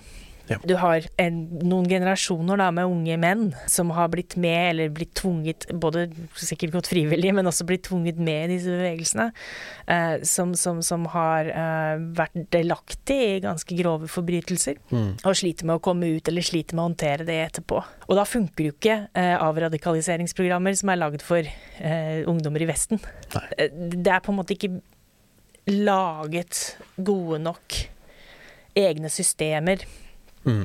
eh, for å fange opp avradikalisere, eller på en måte prøve å, å ta, ta disse bevegelsene ved, ved, å gi dem et etterliv, da. Mm. I stedet så fortsetter man å kaste disse militære intervensjonene etter det. Ja, ja. Som igjen, da, den forskningen vi nevnte, som er veldig da, dominert av disse områdeekspertene, den skisserer jo helt andre løsninger. Den skisserer jo da løsninger som vi ikke hadde har så lyst til å snakke om, f.eks. i Midtøsten, mm. sånn som handler om at her må det forhandles. Ja. Eh, og her må det pumpes inn penger også for å hjelpe de som har havna i disse bevegelsene. Mm. Og Særlig hvis man da tenker at religion blir brukt litt mer instrumentelt. Det betyr ikke at ikke dette er ideer som folk tror helhjertet på osv., men, men hvis man tenker seg at dette er aktører som til dels er refleksjoner av og manipulerer sentrum-periferi-konflikter, eller mm. konflikter mellom etniske grupper, eller mellom pastoralister og jordbrukere osv. Like fullt altså, tilsier jo det at det ligger åpenbart andre konflikter under her. Det er mange andre underliggende årsaker som man kan prøve å gjøre noe med.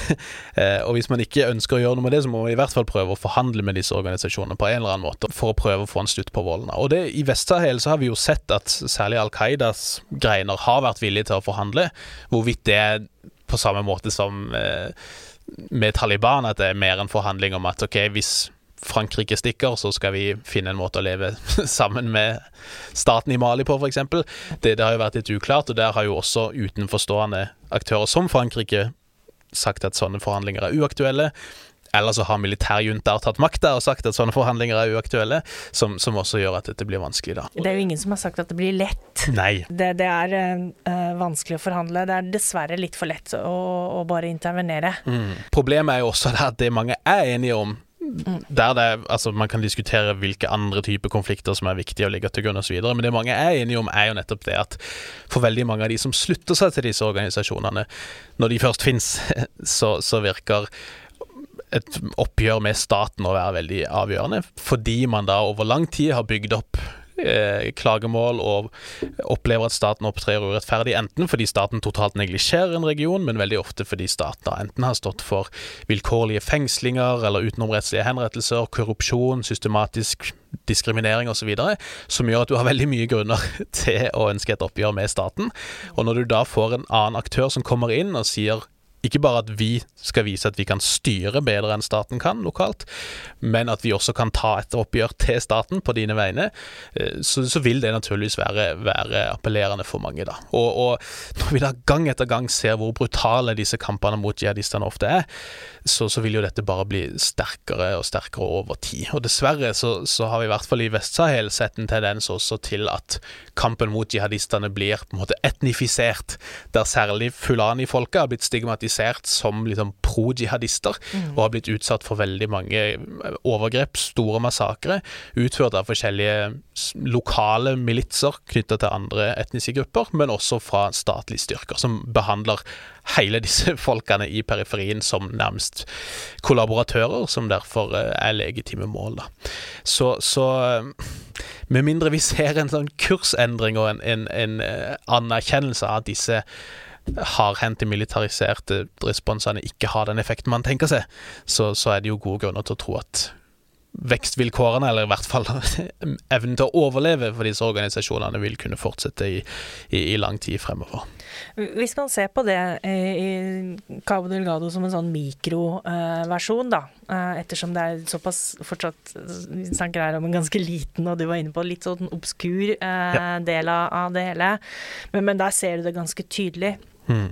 At uh, hver gang de har blitt slått tilbake, uh, så går det bare en stund, og så har de tydeligvis gravd opp våpna sine igjen. Yes. Altså, de er der hele tida. Mm. Og den antistatlige, eller anti-Frelimo anti, Altså Frelimo er de som sitter med makta nede i Maputo. Uh, den har jo hele tiden vært en del av dette opprøret. Mm. det har kommet folk inn for å hente ut store gassressurser i nord i Mosambik.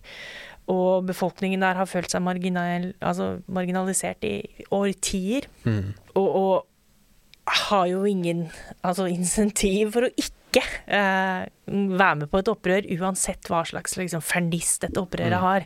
Nei, sant, Hva hadde hjulpet de å være regimelojale, på en måte? Ingenting. Nei, og regimet er jo også ganske brutalt der oppe. Mm. Eh, og, og, særlig nå. Og, og det det, det, hører man jo når man snakker med folk også. Uh, mm. skal det også sies at det er sånn som meg, vi får jo egentlig ikke lov til å reise opp uh, dit i det hele tatt. Uh, jeg har offisielt ikke vært der. um, så du har ikke hørt noen ting om dette her, hvis du har hørt gjennom episoden? Altså. Nei, altså de, de, som i en del andre konfliktsoner i, i Afrika, så, mm. så, er myndighetene ganske gode på å holde journalister ute. Yes. Uh, og, og, da er det også litt uklart hva som skjer ofte, for man får ikke mm. uavhengig informasjon om hva som har skjedd. Uh, og da er det uh, uklart akkurat hvem som er mest brutale, det er uklart akkurat hva som er årsakene, ja. og det blir uklart da hvordan man skal håndtere det selvfølgelig. Så, så, det mm. første man burde gjøre, var kanskje å, å gi både forskere og journalister litt tilgang. Yes. eh, og, og, undersøke hva dette egentlig er. Mm. Eh, og, og, så begynne å ta litt bedre, bedre beslutninger, kanskje. Ja. Og Poenget er ikke at man skal ha forståelse for jihadister, men vi må prøve å forstå hva det er som gir de så gode vilkår til å, til å, både operere og overleve, og nettopp av hvorfor de er så appellerende for så mange mennesker i de regionene som de slår rot. Og da må vi faktisk være villige til å se litt på forholdene på bakken. Det er ingen av disse bevegelsene som hadde overlevd i tiår etter tiår hvis ikke de hadde noe eh, folkelig forankring. Nei. Eller hadde noe som virka legitimt i øynene til befolkninga, som de prøver å styre. over. For det er jo ingen av disse bevegelsene heller som har noe særlig støtte utenfra. Dvs. Si at alt de har av, av, av midler og, og, våpen og sånn, er ting som er lett tilgjengelig for dem der de er. Mm. De, de, de, måtte ha av inntekter. Det de måtte ha av våpen, eh, er et, et lokalt problem. Ja. Ja. Eh, og må løses der, og ikke da mm. ved å gå etter eh, en eller annen sjeik et sted i Midtøsten. Ja. Nettopp. Og, og, og, i alt det her så er det jo det å huske også at det er lokalt, jeg å si, at, at dette er det her problemet først og fremst ligger. Det er den lokale befolkninga som blir lidende for dette her. Både for jihadistenes vold, men også for staten og deres alliertes Hevnen, vold ja. og hevnen. sant? Det er ikke først og fremst noen trussel mot verken eh, USA eller EU eller Norge eller andre, men mot de lokale, som ofte er selv er de muslimene som jihadistene hevder å kjempe på vegne av. ikke sant? Så jeg tror det er litt sånn viktig å understreke det helt til slutt også. Eh, og det er litt det vi har ønska å gjøre med dette også, se på dette som et måte, fenomen i en afrikansk kontekst, mer enn som hva det har å si for oss. For alt handler faktisk ikke om oss. All right. Eh, Vi har holdt på lenge som vanlig, så vi går inn for en landing. Eh, Husk som vanlig å eh, sjekke bundu.no, og følg Bundu på Facebook for å få med deg denne leselista vi lager, der jeg også skal lage litt grafikk, sånn at det blir litt sånn lettere å se disse trendene utspille seg over tid. Hvis du ikke ennå abonnerer på, på podkasten der du lytter, så trykk inn og abonner der, sånn at du får med deg alle episodene der. Jeg kan vel også si at på Bundu så ligger det eh, reportasjer både da fra Nord-Nigeria Yes. og fra Nord-Mosambik. Eh, blant annet eh, hvor vi har også snakket med noen av de som har vært aktive i disse bevegelsene. Yes, Du har jo et svært arkiv med saker på Bundu, så gå inn der og trål gjennom eh, en del av det du har eh, skrevet, kanskje særlig da nettopp om disse casene. Der er det mye, mye som er vel verdt å lese. Med det så sier vi eh, takk. Takk til deg, Maren. Takk, takk. Takk for oss. Vi høres igjen veldig snart.